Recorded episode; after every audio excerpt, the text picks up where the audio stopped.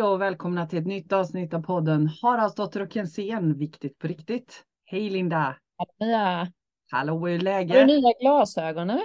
Ser Ja, men alltså, det här är mina vårglasögon Ja, med blommönster på. Jag råkade lägga mina andra vid, vid sängen så att jag hittade inte dem i morse när jag behövde dem. Så då tog jag mina vårglasögon i skåpet. ja, trevligt. Ja, hur är det med dig? Det är bra tycker jag. Ja. Vi, eh, jag sa det innan, vi har haft mycket sjukdomar här så livet saktar ju ner sig.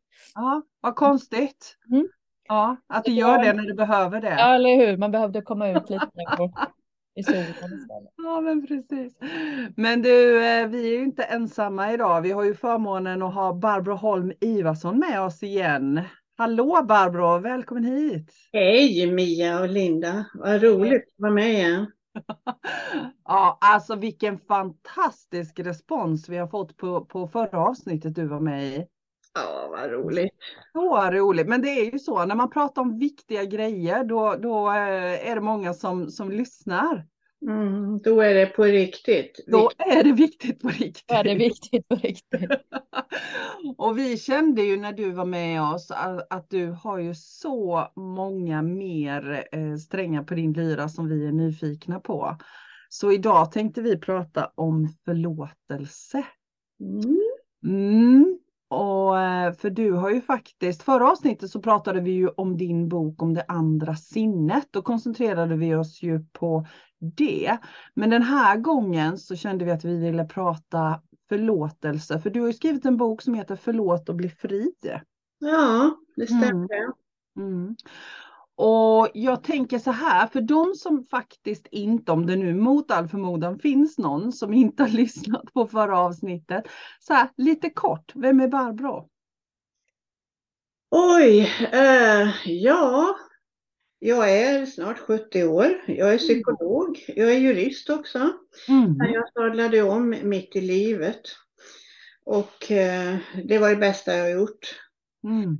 Sen har jag ju, eh, jag är gift och har inga barn. Jag bor i Kolmården. Mm. Eh, nu eh, sen jag eh, gick i pension kan man säga, eller li, lite innan, så, så började jag jobba med förlåtelse på heltid nästan. Mm. 2018 kom jag ut med en bok om förlåtelse. Eh, och sen dess har jag nästan jobbat heltid med att hjälpa människor förlåta här på min mottagning i Mm. Kolmården eller på Zoom. Men metoden har jag jobbat med i 30 år parallellt med mitt andra arbete. Mm. Så att jag kan nästan säga att, förlå- att hjälpa människor förlåta sig själva och andra, det är det viktigaste i mitt liv. Det kommer jag Mm. alltid hålla på med. Jag tror det är mitt kall på något sätt. Mm. Wow. Wow. Men du, alltså då, då, blir jag, då blir jag lite nyfiken. Jag vet ju, Linda, du, du har ju lite mer så här kött på benen när det gäller förlåtelse. Jag, jag blir bara så nyfiken, Barbro. Vad, vad, varför är det här ditt kall? Vad är det som driver dig så starkt i förlåtelsearbetet? Jag växte ju upp med en, pappa som kränkte alla omkring honom. Mm. Och jag ska inte gå in på detaljer om det, men jag skriver mycket om det i boken. Mm. Men i alla fall så, så väckte det ett väldigt hat och agg i mig. Mm. Jag kände mig så kränkt hela min barndom och han sa ofta till mig att jag var, sån som jag var så skulle det gå åt helvete för mig i livet. Det Mm. sa han många gånger. Så när jag gick ut i livet eh, när jag var 19 år, flyttade hemifrån, så, så var jag livrädd. För att Mm. jag, jag trodde att det var något allvarligt fel på mig, att jag inte skulle duga. Hur ska jag ta mig genom livet kände jag. Mm. Och jag hade ett väldigt agg till honom. Mm. Så jag mådde ju psykiskt dåligt under ja, nästan 20 år innan jag äntligen lärde mig förlåta och lyfta, lyfta det här av mig. Och det var genom att jag kom i kontakt med en förlåtelsemetod. Det var en man som Kai Pollak hade bjudit hit från en läkare från Nya Zeeland som också var terapeut. Och han reste världen runt och lärde ut en metod för att förlåta. Och jag kände bara wow, jag, klart att jag behöver lära mig förlåta. Jag måste ju få förlåta pappa. Och även min före detta man som jag hade skilt mig från då, som jag tyckte hade burit sig förskräckligt illa åt mot mig. Mm. Jag behöver verkligen det här. Och sen när jag hade lärt mig metoden så kände jag det här är min väg. Det här ska jag göra? Jag kan göra någonting åt min situation och det är inget svårt heller. Jag behöver Mm. bara följa stegen i den här metoden. Mm. Och så blev det. Mm. Att eh, jag satte igång och använde den här metoden på mig själv. Och vi var några kvinnor som också startade en självhjälpsgrupp och hjälpte varandra. Och på den vägen är det. Vi börjar, jag började med en gång hjälpa människor utanför den här gruppen också och jag har gjort det sedan dess. Så jag, jag tror att Alltså jag har ju en syn på livet att det svåraste man är med om en dag kommer att visa sig vara det sätt som man ska hjälpa, ge, ge ut någonting till världen. Mm. Och för mig så är jag övertygad om att det är förlåtelse. Wow.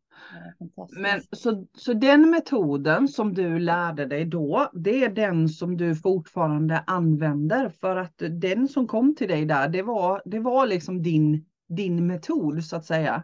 Ja, men jag har ju utvecklat den lite. Ja men det är det jag tänker, visst har du gjort den lite till, till din liksom, för, så gör man ju, man modererar om lite så att det passar till en själv. Ja, det, absolut. Mm. Wow.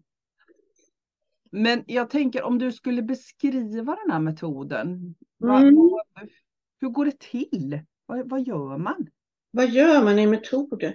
Ja, ska vi inte prata lite först om vad för- förlåtelse och oförlåtelse är? Jag tänker också det lite att eh, när man, jag kan uppleva eh, att många tror att man ska förlåta någon annan person och det kan ju vara jättehemska saker man har upplevt med.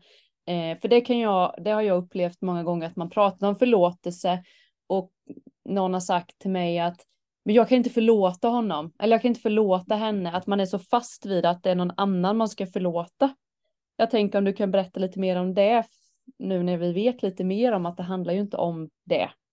Nej, det handlar ju om att göra sig själv fri från någonting som man sitter fast i. Mm. Och jag tänkte om jag skulle kunna kanske få berätta om, om ett, ett äkta fall, så, så förstår gärna. man det bättre. Eh, Wayne Dyer, han är en av vår, till vår tids största andliga lärare och han har varit i 50 år.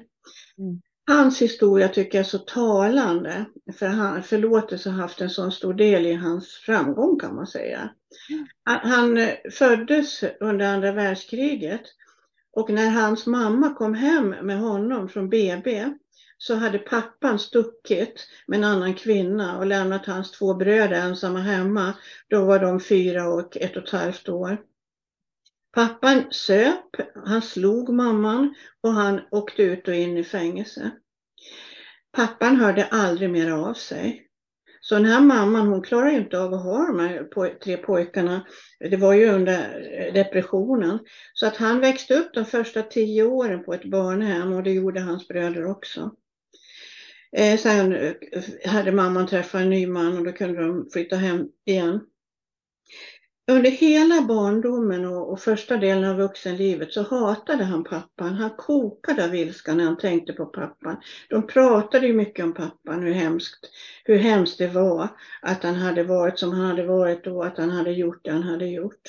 Så han drömde mardrömmar om att han, att han gjorde upp med sin pappa. Han slog sin pappa i, i, mardrömmarna och skrek till honom. Hur kunde du?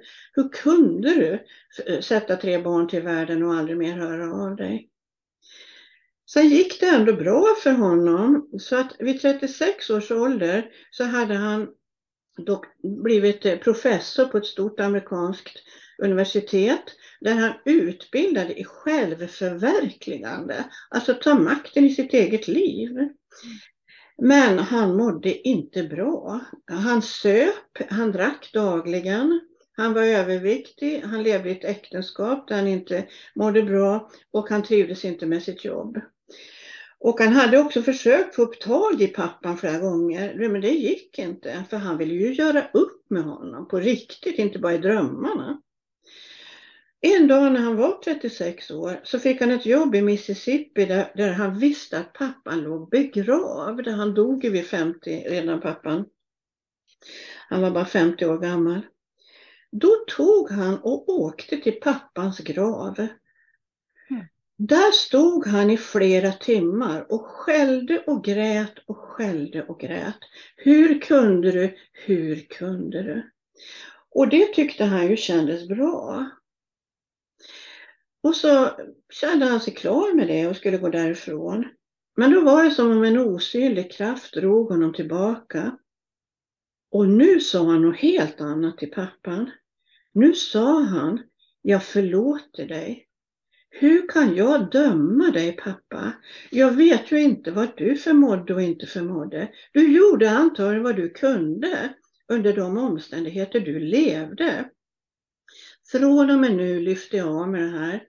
Från och med nu vill jag ge dig medkänsla och kärlek. Jag förlåter dig pappa. Och han, han upplevde som att pappan var där och, och lyssnade på honom. Nu fylldes han av en känsla han aldrig tidigare hade känt. Han kände sig så befriad. Nu föll det sig så att efter det här hade han 14 dagars semester och ingenting inbokat.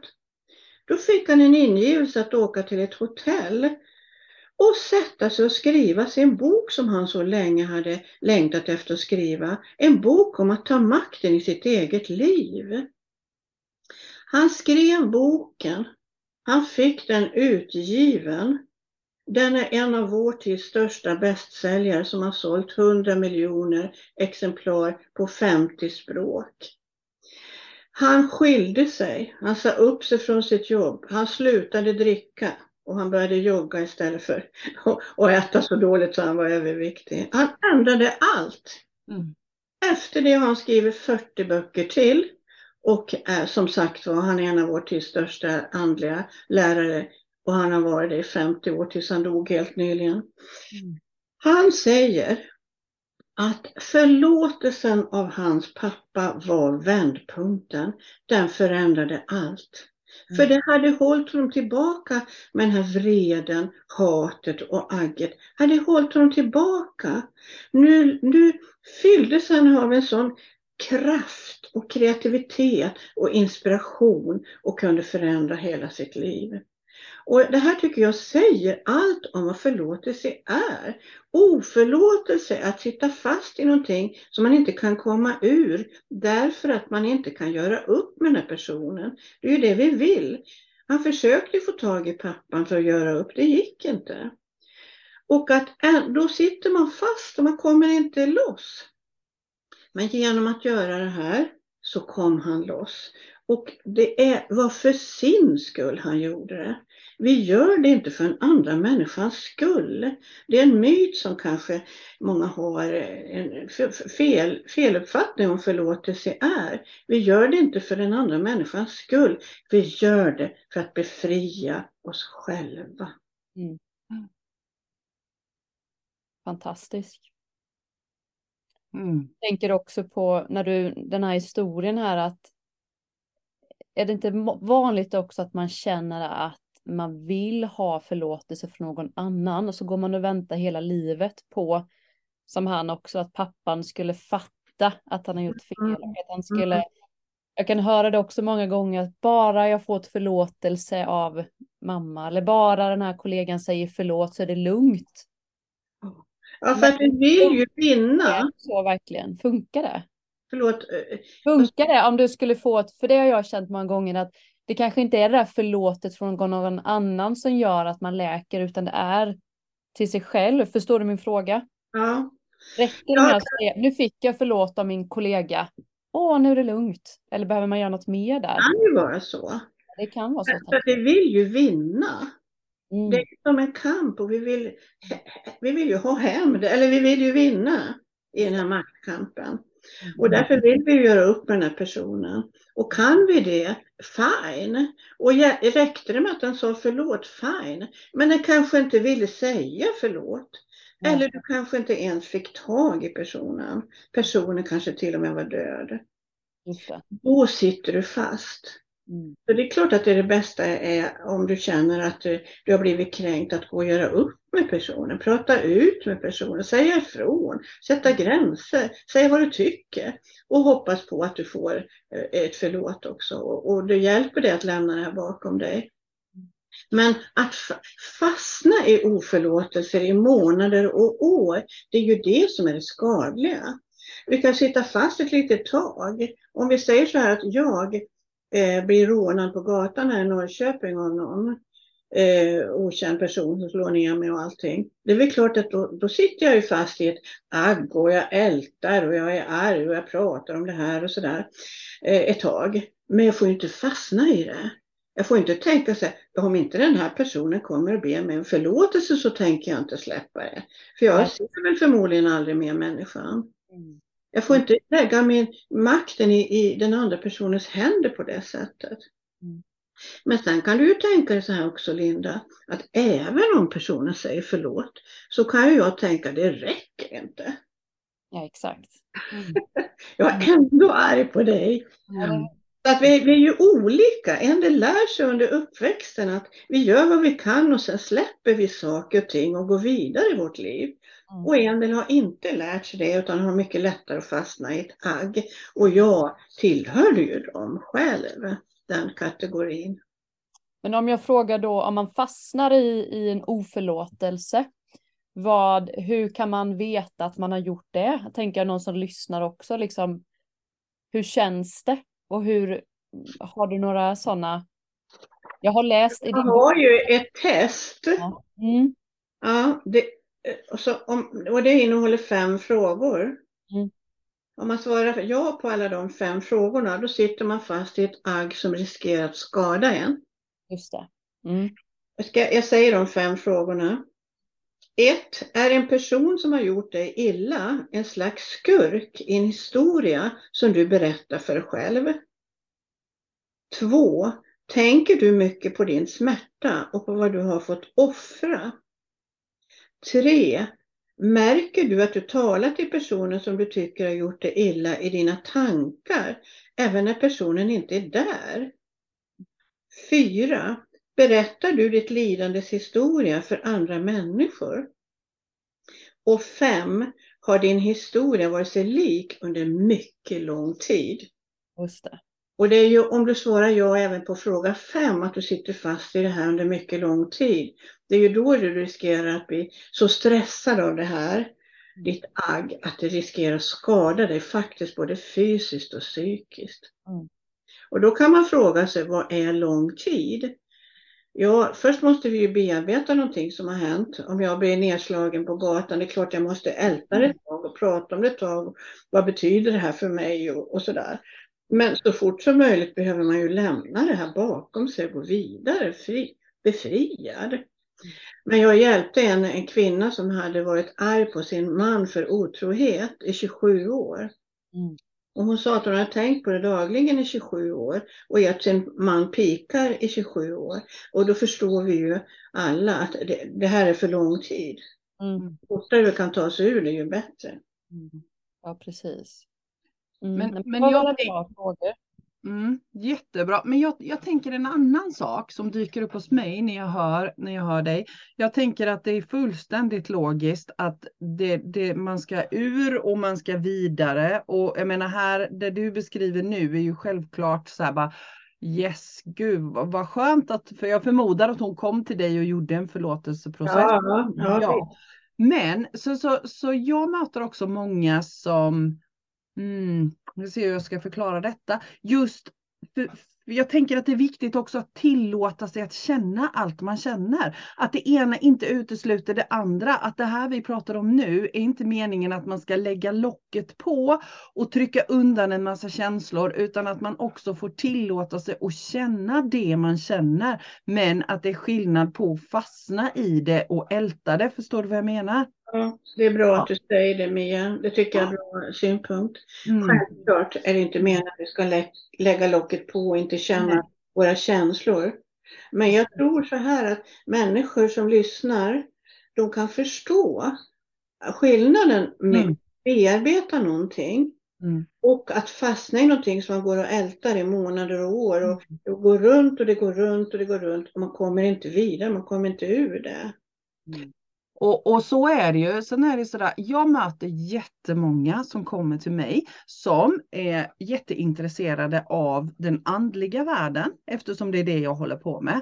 Och då finns det ganska så, mm, alltså den är verkligen inte bra, men då ska allt vara ljus och kärlek och man ska inte tillåta sig att känna och man ska trycka undan. Jag förespråkar verkligen inte det, utan jag förespråkar att man ska tillåta sig att känna allt det man känner. Men Anledningen att jag tar upp det här nu det är att jag möter så otroligt många som tror att om jag ska gå vidare så måste jag på något vis trycka undan detta och stoppa undan det för det ska ju vara ljus och kärlek och det ska vara bra och det ska bara vara eh, liksom halleluja. Så, så det är därför jag tar upp det så, och, och lyfter frågan för, för den, det är många som har med sig. Men då tänker jag så här att om du då ja, jag möter också många sådana. Mm. Då går vi igenom det ordentligt en, en gång. Vi mm. går igenom det riktigt ordentligt en mm. gång med syfte att släppa det.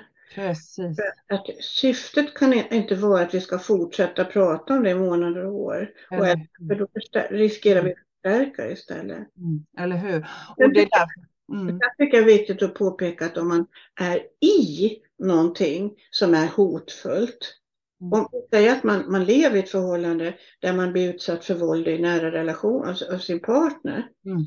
Då är det inte läge att förlåta. Mm. Då är det ju läge att sätta stopp för det först. Mm. Sen när man har kommit ur det mm. så, så, kan det bli aktuellt att förlåta det också. Mm. Ja men jättebra. Jag, jag har ju gjort förlåtelseprocesser med dig Barbro ju. Eh, och jag kan ju, lite som du kopplar lite det med det du sa Mia, att det var ju väldigt skönt att få prata, alltså just göra förlåtelseprocessen, att få bara babbla ur sig allt det där som man känner som är kanske skam. Man kan känna att vissa känslor kanske är lite skamfyllda, att jag borde inte känna så här. Det är ju ändå så kanske det är någon nära relation på något sätt, att man inte ens har vågat säga de orden för att man vet med sin hjärna att det här kanske är vi säger det, eh, min bror säger vi, hittar på. Och jag får inte känna så kring min bror, alltså känna, alltså det, det är någon, jag får ju det men man vågar liksom kanske inte uttrycka det till någon annan. Och därför tycker jag det var skönt med en terapeut eller med dig Barbro eller komma till någon som är lite proffs i att här får jag bara babbla utan att det finns eh, någon som ska råd, ge, ge mig råd tycka någonting, döma någonting. Bara det är ju väldigt befriande tycker jag. Mm. Att få babbla av sig alla de här, jag hatar min bror kanske man vill säga. Ja. Det är skönt att bara få säga det och jag vet att det landar neutralt. Mm. Precis. Det är ju väldigt eh, förlåtande tycker jag. Att få vara, just det som du sa där med att bara få mm. Mm. Och, och bli förstådd i det. Och då, bör, då bör, kommer man ju att förstå sig själv mer och mer. Till mm. slut är det ofta så att man, det kommer fram kärlek faktiskt. Mm. Jag har ju gjort en liten modell här som jag skulle kunna ge till er lyssnarna. Mm. Som de kan göra med en gång här nu medan ja. de lyssnar. Mm. Vill, vill, ni det? Att de, de, de, som lyssnar, de som vill kan få göra en liten förlåtelse som är mm. väldigt kort. Ja, jättekul. Ja, om du, steg ett är då att du tänker på en person som du går och ältar i månader och år och du lider då på grund av det som den här personen gjorde. Och det är naturligtvis inte rättvist att du ska gå här och lida på grund av vad någon annan person har gjort i det förgångna. Du behöver sätta stopp för det. Så Steg två är att du tänker igenom vad är det du hade önskat att den här personen hade sagt eller gjort istället för det den sa eller gjorde. Och steg tre är att du beslutar för att trots att den här personen inte gjorde som jag önskar så tänker jag släppa det här nu. Det är mitt beslut. Och du kan föreställa dig att du säger till personen jag förlåter dig och jag släpper dig nu för nu går jag vidare. Ungefär som den här Wayne Dyer gjorde. Och är det en person som är död så kan du gå och säga det här vid graven precis som han gjorde. Själv först och säg vad du tycker. Och sen så kan du säga jag förlåter dig för nu går jag vidare. Jag släpper det här nu. Och fundera också på om det även är någonting du behöver göra Du kanske ska gå och säga från till någon, säga, sätta gränser till någon, säga upp det från ett jobb eller bryta en relation. Sen är det så att i den här förlåtelsemetoden som jag arbetar med, det här var stegen, men där ingår det att man försätter sitt förhöjt medvetande till stånd. Och eh, det kan man göra på olika sätt, det känner ni säkert till. Eh, det kan man kalla det för mindfulness eller meditation eller bara andas djupt.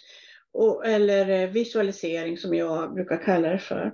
Föreställa sig att man då går in i ett förhöjt medvetandetillstånd och tar det beslutet där en gång till. Och då kommer det att bli mycket djupare beslut. För genom det kommer vi i kontakt med vår egen rikedom. Och det lär jag ut. Mm. Mm. Det ingår i förlåtelsemetoden men det ingår ju även i jag, jag har skrivit en, en annan bok om det också. En mm. om vårt högre medvetande. Mm. Och jag, alltså, när, när du beskriver det så här så då låter det ju så enkelt. För det här var ju en kort, kort mm enkel version för att man ska förstå. Men när mm. jag gör förlåtelseprocessen med en människa så tar de fyra timmar. Mm. Ja, jag vet ju det. Men det är också så att man, det är inte säkert man behöver sitta med en terapeut i fyra timmar. Utan att läsa min bok, där kan man göra det på egen hand.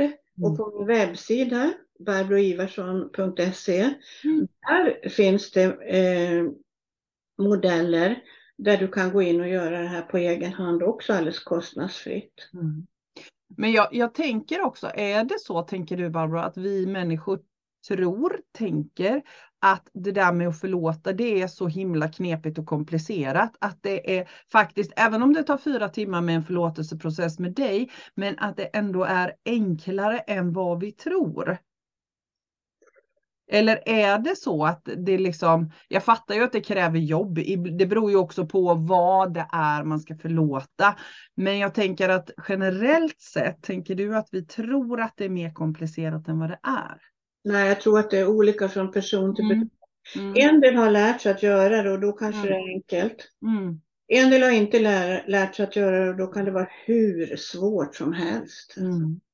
Men, men jag tänker också att det handlar om det, precis som du sa innan, det där att någonstans bestämma sig över att det är jag som har kommandot över mitt liv. Ja, där har du det.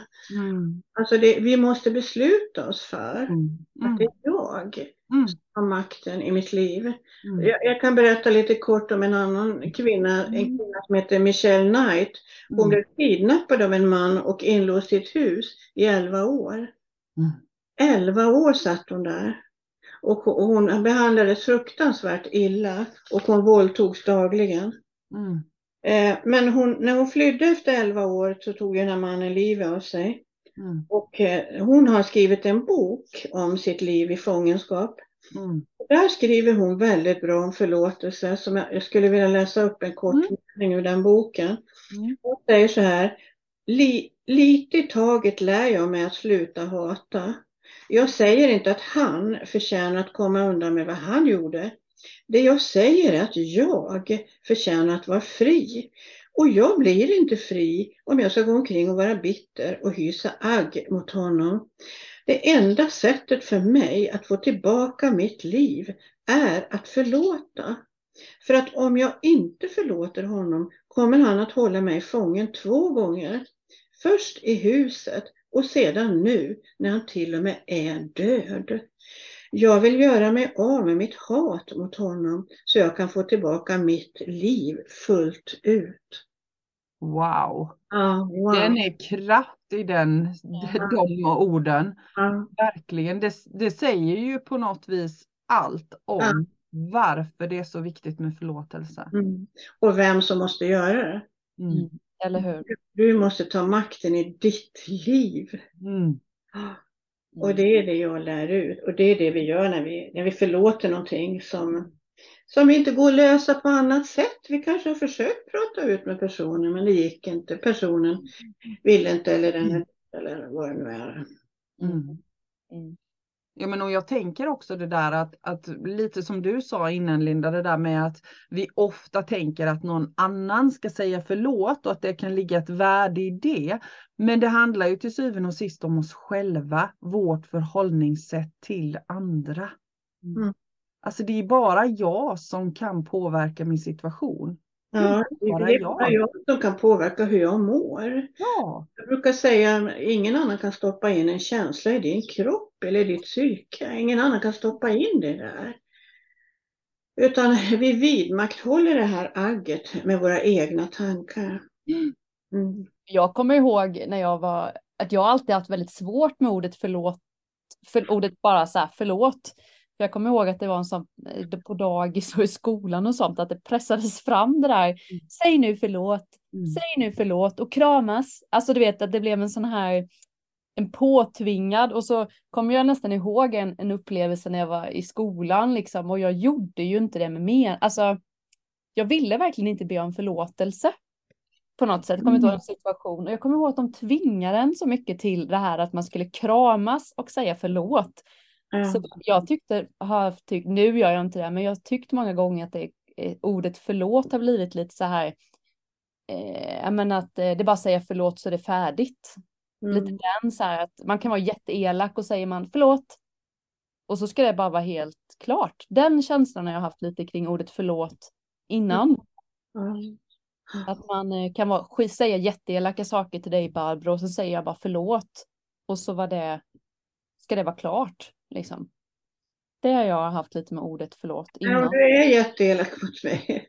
Och så Ja. säger du, vare sig du säger, vare sig du säger förlåt eller inte, så är Jag det hade ju idag sagt, jag hade mer sagt idag som vuxen så här, förlåt Barbro att jag sa det där, men jag var så himla hungrig eller jag var liksom, jag var inte alls i balans, alltså jag hade förklarat, men när man var barn och så tyckte jag man upplevde att man bara skulle säga ordet förlåt och sen inte mer och att då skulle det vara klart. Och sen Mm. gick barnen isär, men ändå var de förbannade och arga på varandra. Men man Mm. sa förlåt för att vuxna skulle bli glada. Mm. Ja, men då, då, då kan man ju säga att man sopar konflikten under mattan. Lite Mm. så. Så jag har fått lära, lära om mig lite kring det ordet med tiden jag började fundera. Alltså att jag ville säga förlåt men jag ville liksom mer förklara varför jag var elak eller varför jag gjorde på det här sättet. Eller, Ja, det är så. väl jätte, det jättebra. jag lära ut lite till mina barn också. Att man kan inte bara säga förlåt och så ska det vara färdigt. Om man ska säga förlåt kanske man ska säga också jag gjorde fel. Jag förstår att jag gjorde fel när jag Mm. gjorde det där och så där. Och jag kommer aldrig göra om det. Och, och, och lyssna på hur den andra känner också. Mm. Ja. Så det är ju ett, ett stort ämne i sig att be om förlåtelse. Jag tänker att vi är uppvuxna med det. Alltså för jag kan känna igen mig i din berättelse Linda, just det där med att säga förlåt. Och så tänker jag, jag tänker som, som både du och jag Linda vet ju jag, vi är superkänsliga för energier. Och så säger någon förlåt och så känner man med hela sitt väsen att det finns ingen grund i detta. Det finns ingen som helst grund i detta, utan det är bara ett ord som kommer. Och då blir det extra krock, för jag kan känna att jag har precis haft precis samma laddning kring förlåt som du. Eh, och sen tror jag också, för jag har haft en jätteladdning kring förlåtelse, förlåtelsen som man har i kyrkans värld. Att jag kan gå ut och bära mig åt hur som helst och så går jag till kyrkan och så får jag syndernas förlåtelse och så är det bra. Och den tror jag är kopplad till tidigare liv. Jag, jag har ju en livsfilosofi där jag tänker att vi har levt många liv. Och så tänker jag, då, då blir jag lite sådär, hmm, undrar om det påverkar oss i detta livet också? Att Mm. det vi har med oss i bagaget kring förlåtelse tidigare också. Det är en sån där liten parentes som jag bara vill andas. Mm. Mm. Mm. Nu kommer, nu kommer vi ju in på självförlåtelse. Mm. Om man gör något hemskt, då ska man då bara gå till kyrkan och säga förlåt så är det Mm. över. Mm.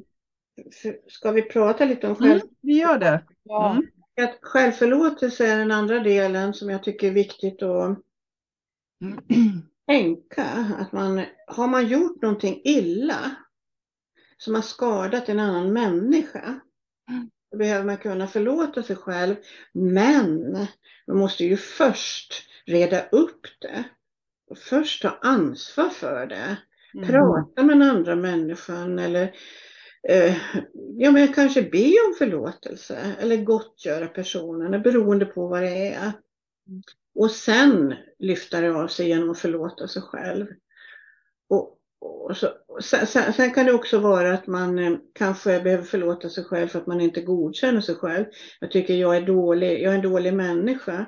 Jag duger inte. Man känner skam för sig själv. Som jag gjorde när jag berättade, jag gick ut i livet och var mm. övertygad om att det var något allvarligt fel på mig, att jag inte dög. Mm. I båda de fallen så kan man behöva göra en självförlåtelseprocess.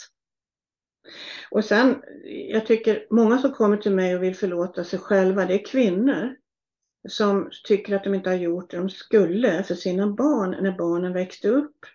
Mm. De har gjort för lite för sina barn eller de har inte kunnat skydda sitt barn. Barnet blev utsatt för någonting och det var mitt ansvar för jag var ju barnets mamma. Så jag har ansvar för mitt barn. Om mitt barn mår dåligt eller om mitt barn blir utsatt för någonting så är det mitt ansvar. Och de här mammorna, de behöver ju prata med sina barn om det här. Och många av dem kanske behöver be om förlåtelse. Fråga hur barnet upplevde det och, och sen be om förlåtelse. Och många, många, många vuxna barn bryter till och med med sina föräldrar på grund av sånt här. Och då kan ju den här föräldern, eller mamman är det ju eh, nästan alltid, skriva ett brev till sitt barn och förklara att jag har insett att jag inte var som jag hade önskat mot dig när du växte upp. Jag hade önskat att jag hade gjort så här och så här och så här och så här. Så räknar man upp det. Och jag är ledsen att jag inte gjorde det. Förlåt mig mitt barn, men jag älskar dig ändå. Jag vill bara att du ska veta det. Utan krav, utan anklagelser, skriva ett sådant brev kan förändra allt. Och lyfta av den här mamman skulden också. För sanningen är ju att man kan bara det man kan. Mm. Att eh, när man förlåter sig själv, det man brukar komma fram till, det är till slut att jag gjorde ändå vad jag kunde. Det jag gjorde var inte bra, men det var mitt bästa just då. Jag förmådde inte mer, jag förstod inte mer, jag var inte mognare. Jag, jag gjorde det som föll mig in just då, det jag trodde på just då. Och mer kan ingen människa göra. Och jag är inte ensam med det, så är det för alla människor i hela världen att man gör tokigheter, felaktigheter och misstag mot sina barn och andra människor. Alla gör det och vi måste kunna förlåta oss själva och gå vidare. Men vi ska försöka rätta till det först. Och är det så att man har ett beteende som innebär att man gör människor illa kontinuerligt, som till exempel att man sitter och spelar bort familjens pengar och eh, vi, vi, vi har inte pengar till mat i ena familjen för att mamman eller pappan sitter och spelar bort pengarna. Då måste man ju upphöra med det innan man förlåter sig själv såklart. Då inte använda självförlåtelse som ett sätt att få fortsätta kränka människor eller, eller göra människor illa. Men sen kan man gå till kyrkan och säga förlåt och lyfta det av sig. Eller använda någon annan förlåtelsemetod. förlåtelsemetod. Mm. Så gör ju en präst eh, när man är i, i bikt. Att man får berätta och, och prästen, man får bolla det. Det finns ju i Svenska kyrkan och i katolska kyrkan. Och det kan ju vara väldigt verksamt, men, först när man har försökt reparera. Och då är ju att be om förlåtelse någonting väldigt viktigt att lära sig, tycker jag. Mm. Men be om förlåtelse, vad menar Linda naturligtvis? Mm. Jag säger, jag ångrar mig. Jag är verkligen ledsen, jag gjorde fel. Inte bara förlåt och så ska det vara över, utan att man, man pratar om vad, vad det är man tycker man har gjort fel och försäkrar att man tänker ändra sig. Mm. Mm. Jag, tänker, jag tänker de som, de som kommer till dig och gör förlåtelseprocesser, Barbro, är det, är det ungefär, alltså vill man förlåta, är det så att man behöver vad, vad, är, jag tänker det här med kontra självförlåtelse och förlåta andra. Är det ungefär lika många av varje som kommer? Nej, det är, Nej. Många, det är många fler som kommer för att de vill förlåta andra. Ja. Men så skulle jag vilja lägga till en sak och det är att jag jobbar ju med psykologisk behandling också eftersom Mm. jag är psykolog. Det kommer ju många människor till mig för att de vill ha hjälp för att de mår psykiskt dåligt generellt. De har oro, ångest och depressivitet. Mm. Alla de behöver förlåta sig själva. Mm. För att det, det är sådana tankar som ligger under och gör oss människor deprimerade Mm. och, och får ångest, framförallt deprimerade. Så det, det förändrar väldigt mycket när de människorna får göra en självförlåtelseprocess med mig på Mm. riktigt och i Mm. fyra timmar lyfta upp alla de här hemska tankarna som de har om att de är dåliga, fel, fula, dumma, inte duger och har gjort fel mot sina barn, gjort fel mot sig själva, gjort fel mot sin för detta man, mot gjort fel mot sina föräldrar. Alltså precis som du sa Linda, att få lyfta upp det helt och hållet en gång och få titta på det med snälla, medkännande, förlåtande ögon och se, det är inget fel på mig. Jag är inte ful och dålig på något sätt. Jag är lika värdefull som alla andra. Och då, visst, jag har gjort saker som inte var det jag hade önskat alla gånger, men det var mitt bästa just då. Och så är livet för oss människor. Och då kan man förlåta sig själv. Speciellt när man lyfter upp det till den här högre nivån i medvetande. Jag kallar den för högre självet. Och eh, får tillgång till sin egen visdom. Då får man höra det från sin egen visdom. Du Mm. gjorde ditt bästa. Förlåt dig själv och gå vidare. Mm. Hänger detta ihop lite med så här egenvärde? Just för jag, jag bara märkt, tänker att jag har fått mycket ungdomar till mig nu som har de har ju det här att jag hinner inte, jag kan inte i skolan, jag är inte tillräckligt snygg och jag, ja men det är så mycket sådana tråkiga tankar och så så tidigt i livet. Hur det Mm. bara matas på hur de inte passar in i mallen liksom. Och där känner man ju, hur kan man liksom, jag vet inte, hur kan man hjälpa till i stunden liksom med självförlåtelse, att fortsätta liksom dagligen och hålla det vid liv. Jag tänkte att en ungdom, en tonåring, att det här är en, en naturlig del av utvecklingen. Mm. Det kommer ni nog säkert ihåg själva, att, vi, att det var så här vi höll på och ältade när, tankar när vi var tonåringar. Så det är en period i livet när man, när man tänker så. Men det kan vara värre idag, många tror ju det, och att det har väldigt mycket att göra med sociala medier. Att vi jämför oss med hundratals människor på sociala medier varenda dag. Så att jag tror att råda dem att dra ner på sociala medier, kanske ta en paus från sociala medier och sen prata med dem om sitt värde Mm. och, och, och om framtidsutsikter. Prata med dem om det här. Mm. Självförlåtelse. Ja, man kan prova det. Jag har bara gjort självförlåtelse en gång med en tonåring. Mm. Men det var med en flicka som hade anklagat sig själv för att hon hade blivit utsatt för övergrepp. Mm. en närstående.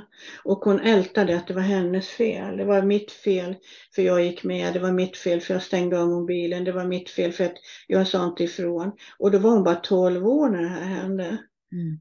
Men nu när jag hjälpte henne var hon 16 och, och då- då kunde hon mycket väl förstå det. Speciellt när vi lyfte upp det här till det högre självet. Det kan omöjligen vara mitt fel det här.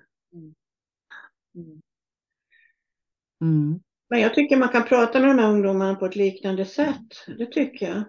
Prata med dem om deras värde Mm. och deras möjligheter och att de är lika värdefulla som alla andra och få dem att inse det själva. Och visst, lyfta upp det till en högre medvetandenivå, det kan man göra fast man är ung och få tillgång till sin egen visdom. Ja, det Ja, det tycker jag absolut att man kan prova. Ja, för jag tänker att det är många som lyssnar också här som har tonårsbarn som, eh, som man Mm. kanske är orolig för liksom att Mm. det går, eh, man kan prata om sådana här saker även med barn och ungdomar tänker jag så att de slipper ha det så länge i sig tills man är 40-50 liksom. Ja, Ta det lite snabbare. ja. Om barnet är öppet för att prata om det med sin förälder. Annars kanske de är öppen för att prata om det med dig Linda eller dig. Ja, absolut. Det är så bra så. Precis. Ja, Precis. Mm. Jag har, jag har ju också, jag har också förmånen att träffa många, många ungdomar, unga vuxna. Jag har ju jobbat med det hela mitt liv. Eh, och det är så fantastiskt vackert att få komma in där så tidigt, precis som du säger Linda. Behöver inte gå tills vi är som vi i vår ålder. Man behöver inte gå så länge, eh, tänker jag. Mm. Eh, och, och det här med sociala medier är ju, jag, jag brukar råda som du Barbro, det dra ner på det. Mm. Mm, Det tror jag är väldigt viktigt. Stänga Mm. av det helt Mm. ett tag mm. och må mycket bättre.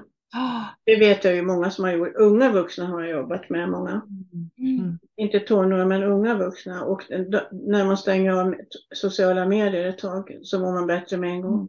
Eller mm, hur? faktiskt. Att man, man, man jämför sig med en idealbild som andra människor lägger ut där i sociala medier. Och det är inte, ja, vi är inte gjorda för att, klara av det på något sätt. Att, Jag Nej. tänker också att man lägger ut kanske liksom någonting som man inte är heller bara för att det ska visas utåt, att man blir, man ljuger mot sig själv. ja, visst, Att man lägger ut Ja, och sen när man träffas och så var det inte riktigt så som man, alltså det blir så himla konstigt tänker jag. Mm, Nej, man lägger ju bara ut det man vill visa och det är ju det fina och det ideala. mm, mm.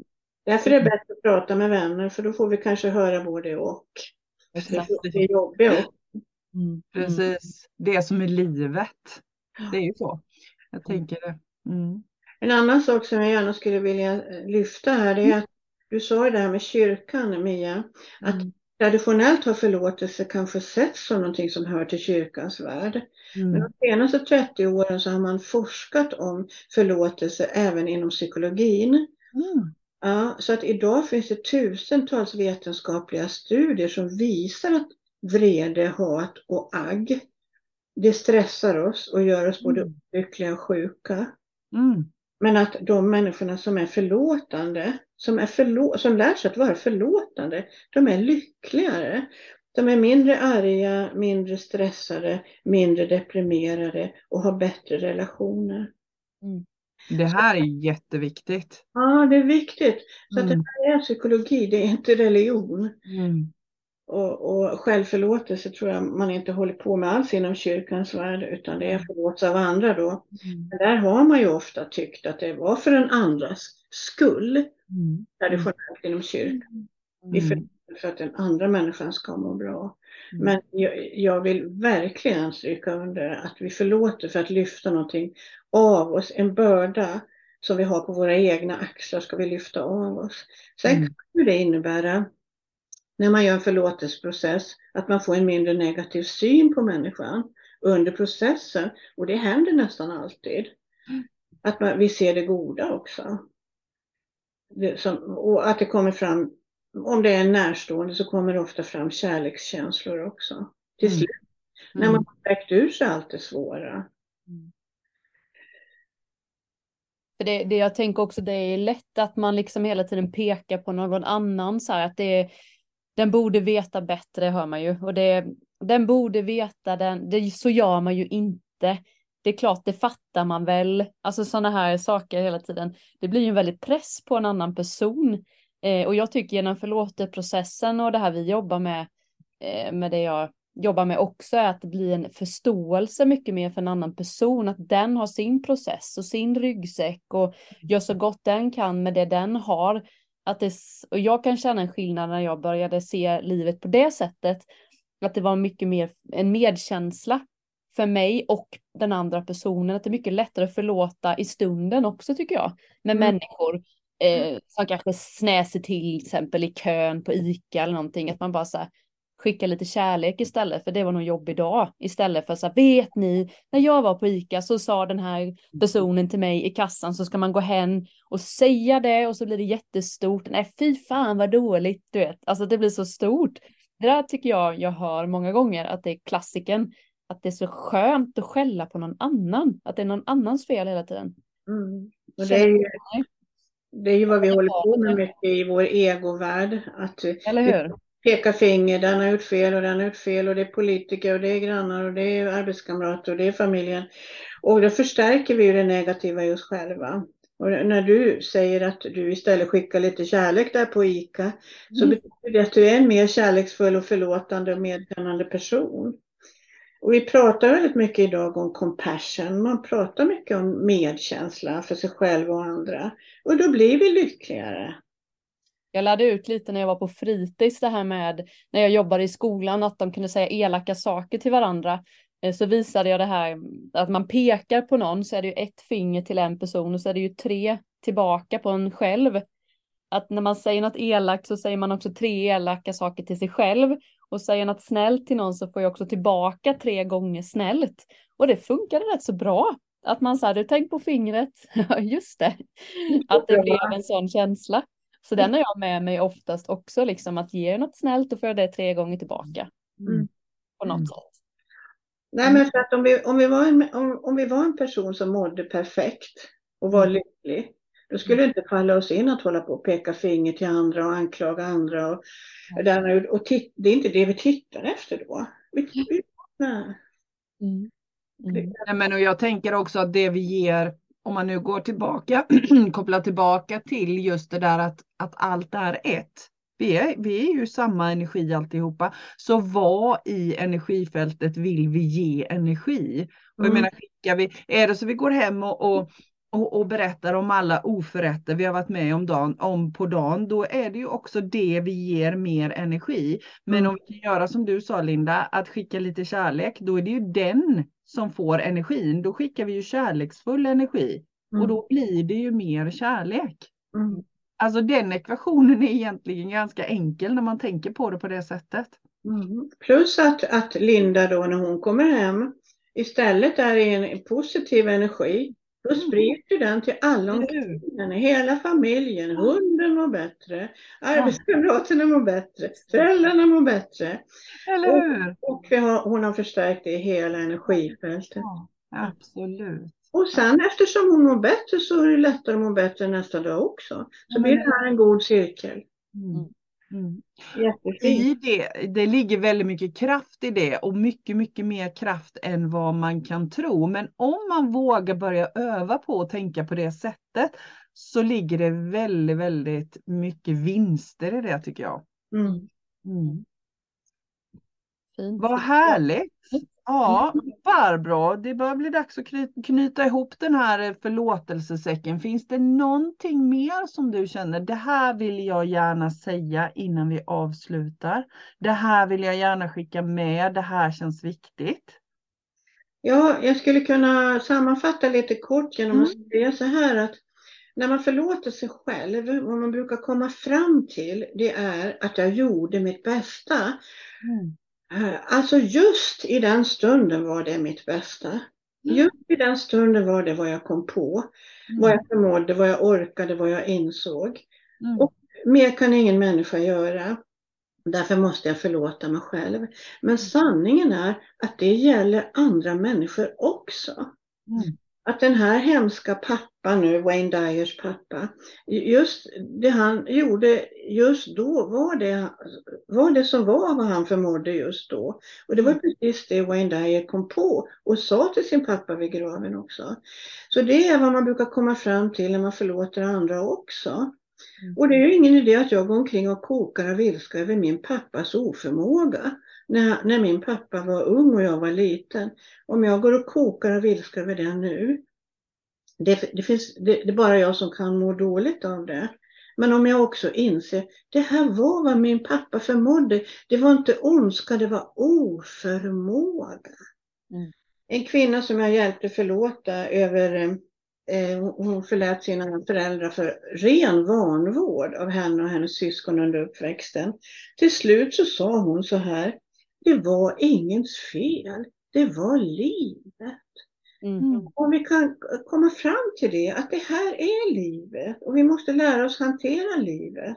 Och, och så här är livet för alla människor på planeten. Vi är inte ensamma om det här. Så kan det hjälpa. Precis. Det är väl ett jättefint avslut. Och, och jag tänker, ja, om, om du nu, du som lyssnar känner så här, men gud, det här vill jag veta mer om. Så vi kommer lägga ut dina kontaktuppgifter Barbro i, i beskrivningen till podden. Och så vill jag bara säga att den här boken som du har skrivit om just förlåtelse, den heter ju Förlåt och bli fri. En väg till lugn, styrka och välbefinnande. Så den kan man leta upp om man känner att men det här vill jag läsa mer om. Mm. Vad härligt! Tack snälla Barbro för att du ville dela med dig av dina klokskaper och, och tankar i det här ämnet. Så värdefullt, verkligen. Eh, och eh, tack Linda för idag. Ja, men tack hörni. Mm. Alltid så mysigt att träffa er tycker jag.